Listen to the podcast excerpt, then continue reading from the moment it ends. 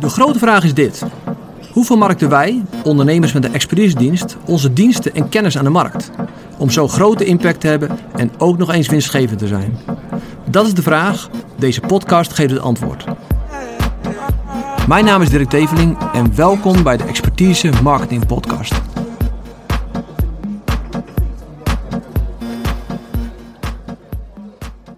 Maar we gaan beginnen met de, de marketing mindset. En die is erg belangrijk, omdat we allemaal zijn opgegroeid in een tijdperk waar push marketing de standaard was. Uh, en bij veel bedrijven is nog steeds pushen uh, het normaal. Alleen dat werkt niet meer. Nou, waarom werkt pushen niet meer? Uh, heel simpel, omdat de consument, de afnemer, de klant tegenwoordig veel meer op de hoogte is. En zelf kan beslissen en wil beslissen welke keuze die maakt. Iedereen kent deze deuren. Links is push, rechts is pull. Nou, maar vraag aan jou, wat is makkelijker? Die linkerdeur of de rechterdeur? Nou, dat klopt. Uh, de linkerdeur, pushen is makkelijker, want je duwt tegen die deur aan, hij gaat open en je loopt erheen. De pull is moeilijker, want je moet eerst die deur vastpakken. Je moet hem naar je toe trekken, je moet een stapje achteruit doen. En vervolgens kan je pas door die deur gaan en gaat die deur achter je dicht. Dus het is iets meer werk om te poelen, maar uiteindelijk is het wel respectvoller. Uh, en dat zal ik zo meteen gaan uitleggen. Dus push en pull marketing, dit zijn de definities. Uh, push marketing is een oplossing proberen te promoten onder de doelgroep die jij relevant vindt. Dus je bent constant de oplossing het promoten. Pull marketing is een strategie die klanten naar jou en jouw oplossing toetrekt. Dus push is drukken, uh, pull is trekken.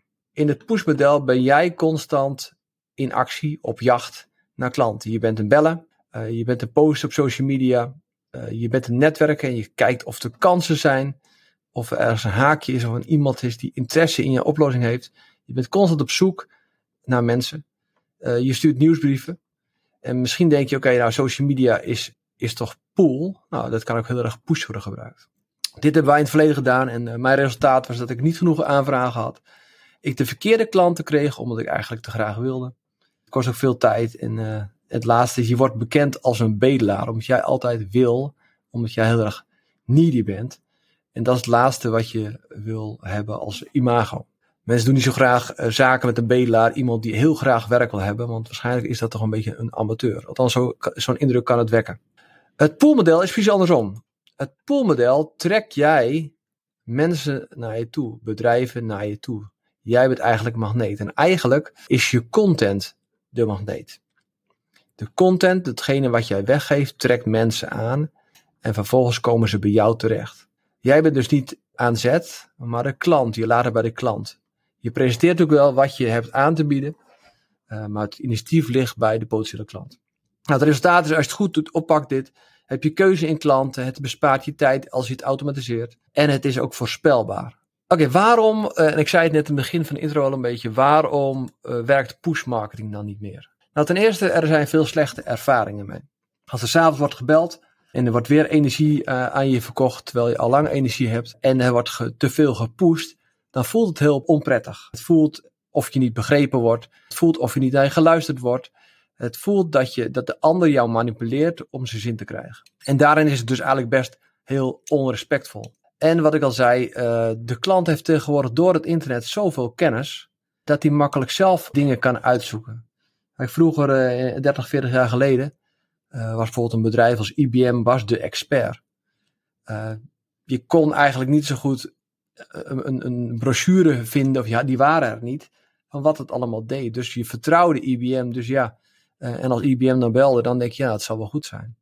Maar tegenwoordig kennen we de alternatieven en kennen we de prijsvergelijkers. Uh, hebben we vergelijkingswebsites en reviews van klanten online. Het is veel transparanter wat voor bedrijven het is, wat ze doen, wat ze aanbieden. En doordat de klant veel kennis heeft, wil hij gewoon zelf zijn keuze maken. Dus heel simpel de conclusie, push marketing werkt niet meer, maar het past ook niet meer bij deze tijd. Nou dan de verschuiving van push naar pull. Het is heel belangrijk dat je in alle aspecten van je funnel en je funnel is het proces van onbekende tot klant, dat je in al die aspecten, al die onderdelen allemaal poelt. Wat er soms kan gebeuren is dat je eh, bijvoorbeeld eerst een gratis weggever aanbiedt.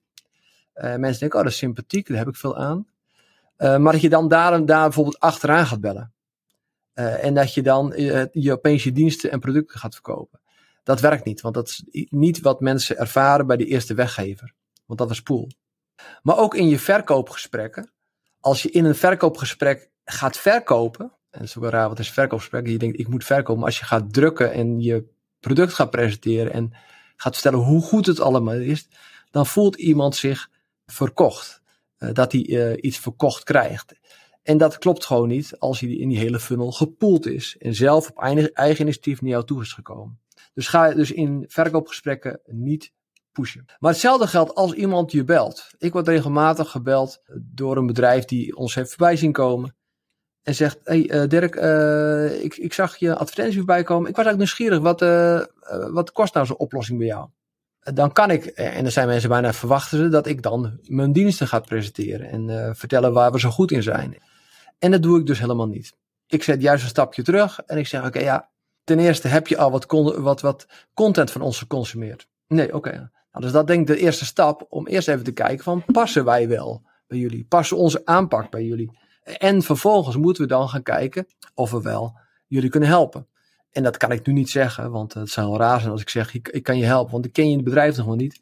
Dus we moeten meer in de diepte duiken over je bedrijf, over je doelen. En dan pas kan ik bepalen of, je, uh, of ik je uh, kan helpen. En dan pas kan ik een aanbod doen, inclusief een prijs. Dus wat ik doe, ik zet ze eigenlijk weer achteraan in de rij. Ze moeten een whitepaper downloaden of een videotraining bekijken. Vervolgens kunnen ze op eigen initiatief een strategiegesprek inplannen. En op die manier ga ik zeker niet pushen, maar ga ik juist ze helpen om nou, hun eigen, op een eigen initiatief naar ons toe te komen. Ik heb hier ook fouten mee gemaakt, want als je alleen maar poelt, kan het bijna voorkomen dat je ongeïnteresseerd bent.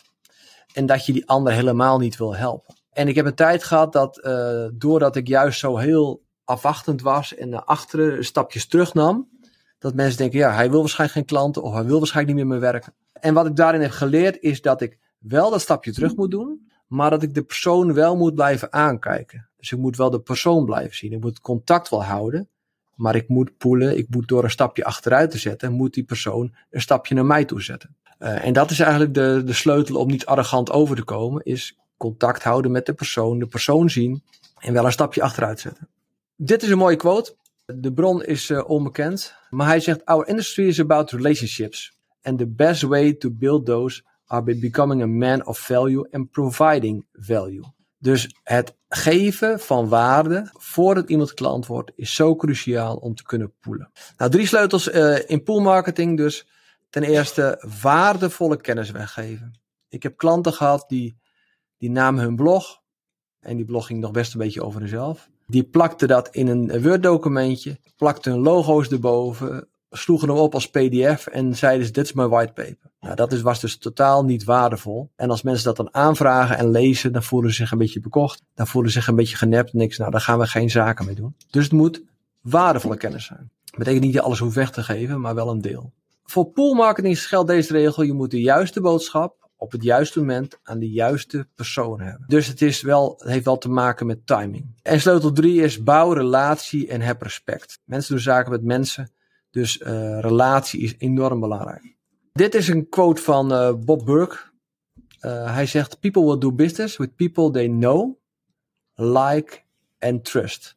en dat zijn drie belangrijke fasen in poolmarketing. Ik zal ze iets verder uitwerken. De no-stap is dat iemand je leert kennen. Kijk, als iemand je niet kent, zal die nooit zaken met je kunnen doen. Dus het leren kennen en dus ook te zichtbaar zijn, is ook in poolmarketing belangrijk.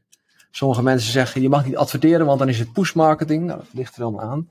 Je mag wel jezelf presenteren, of, of je content presenteren, of de, je weggever presenteren. En mensen moeten jou kennen. Als je onder een steen gaat zitten, uh, zal je nooit werk krijgen. Het tweede is, er moet een, een, een, een gunfactor, een klik ontstaan. En uh, als we het dan hebben over de like, dan gaat het niet om het, het, like-knopje om het te liken, maar ze moeten een klik hebben met jouw bedrijf, met jouw persoon, met jouw aanpak, met jouw werkwijze. Dus die klik en die gunfactor is, is belangrijk.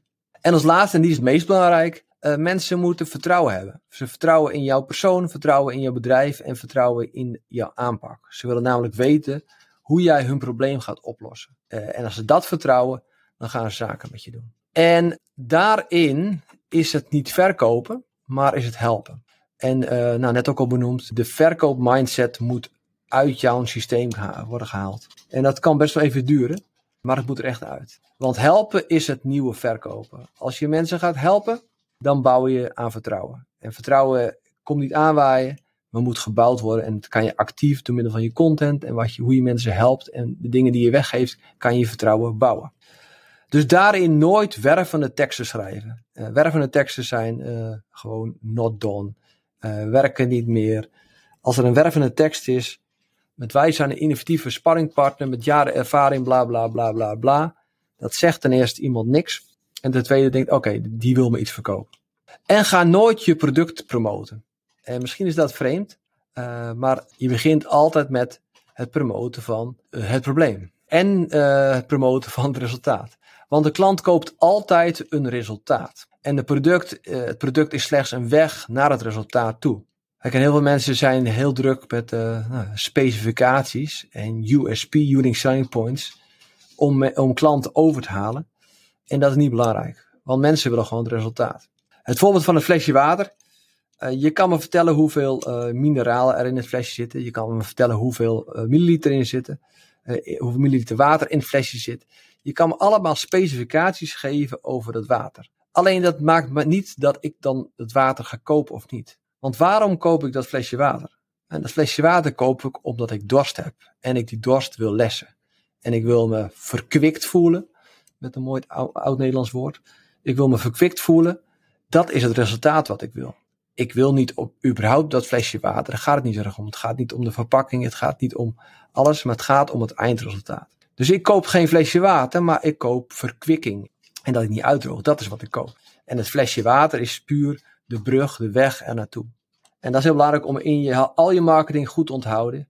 Je verkoopt geen product, maar je verkoopt een resultaat. En daarom draait het ook niet om jouw bedrijf. Het gaat niet om je product, maar het gaat ook niet om je bedrijf. Het gaat namelijk om de klant. Uh, dus jouw focus moet zijn op de klant en niet op je bedrijf. Want de klant heeft helemaal geen interesse in jouw bedrijf. Het klinkt heel, heel flauw, maar wat boeit hem nou? nou hoe, hoe mooie, ludieke uh, bedrijfsnaam je hebt, hoe mooi je logo is, je visie of missiestatement. Dat boeit de klant totaal niet. Want ze, ze willen het resultaat opnieuw. Dus mensen doen geen zaken met een logo of met een bedrijfsnaam. Ze doen zaken met een bedrijf wat hun probleem kan oplossen. Heb altijd interesse in je klant. Analyseer, uh, stel vragen. Heb interesse. Dat is zo belangrijk. Ja, en daarin ook uh, eigenlijk misschien wel de samenvatting van, uh, van het geheel. Wees geen bedelaar. Bedel niet voor werk. Als jij gaat bedelen voor, voor werk, dan proeven mensen dat. Dus als iemand bijvoorbeeld een, een whitepaper bij je downloadt, dan zeg je niet bedankt voor het downloaden van het whitepaper. Nee, je zegt alsjeblieft. Want het feit dat je iets weggeeft, als je een cadeautje geeft, zeg je altijd alsjeblieft. Je zegt nooit bedankt. Je wil ook jezelf positioneren als de expert. Kijk, de dokter, eh, die bepaalt zijn eigen agenda. Of eigenlijk nog, de assistente van de dokter, die bepaalt zijn agenda. Je kan niet de dokter eventjes een appje sturen van, hey dok, uh, ik heb wat last van mijn knie, kom zo even langs hoor. Dat kan niet, want hij is de expert. Uh, hij is een professional. Je moet via de assistent moet je een afspraak inplannen. En dat kan alleen op de momenten dat hij kan. En niet, hij is niet dag en nacht voor jou beschikbaar. En dat is eigenlijk het omgekeerde als een bedelaar. Als, je, als een klant, potentiële klant jou belt of een mailtje stuurt. Kan ik nu even langskomen? En je zegt meteen ja. Dan lijkt het dus dat je eigenlijk geen plan hebt voor die dag. Dat je je, je, je dag niet goed ingepland hebt. Of dat je niks te doen hebt. Of dat je zo weinig werk hebt dat je prima een uurtje koffie kan drinken met iemand. Dus je moet jezelf gaan positioneren als de expert en niet als de bedelaar. Ik heb best wel regelmatig een telefoontje dan zo van...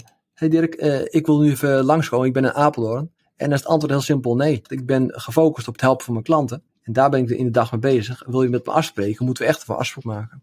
En de laatste, die is ook belangrijk, in dit alles uh, moet je je emotioneel niet verbinden met de resultaten. Als je bezig bent met poelen en iemand zegt nee, dan is dat prima. En dan ligt het niet in jou, dan ben je geen uh, slechte dienstverlener of slechte ondernemer. Dus verbind je emotioneel niet met de resultaten. Je zou regelmatig een nee krijgen. Zullen mensen in je funnel afvallen. En dat hoort allemaal bij het proces. Dus uh, probeer er emotioneel niet in te zitten.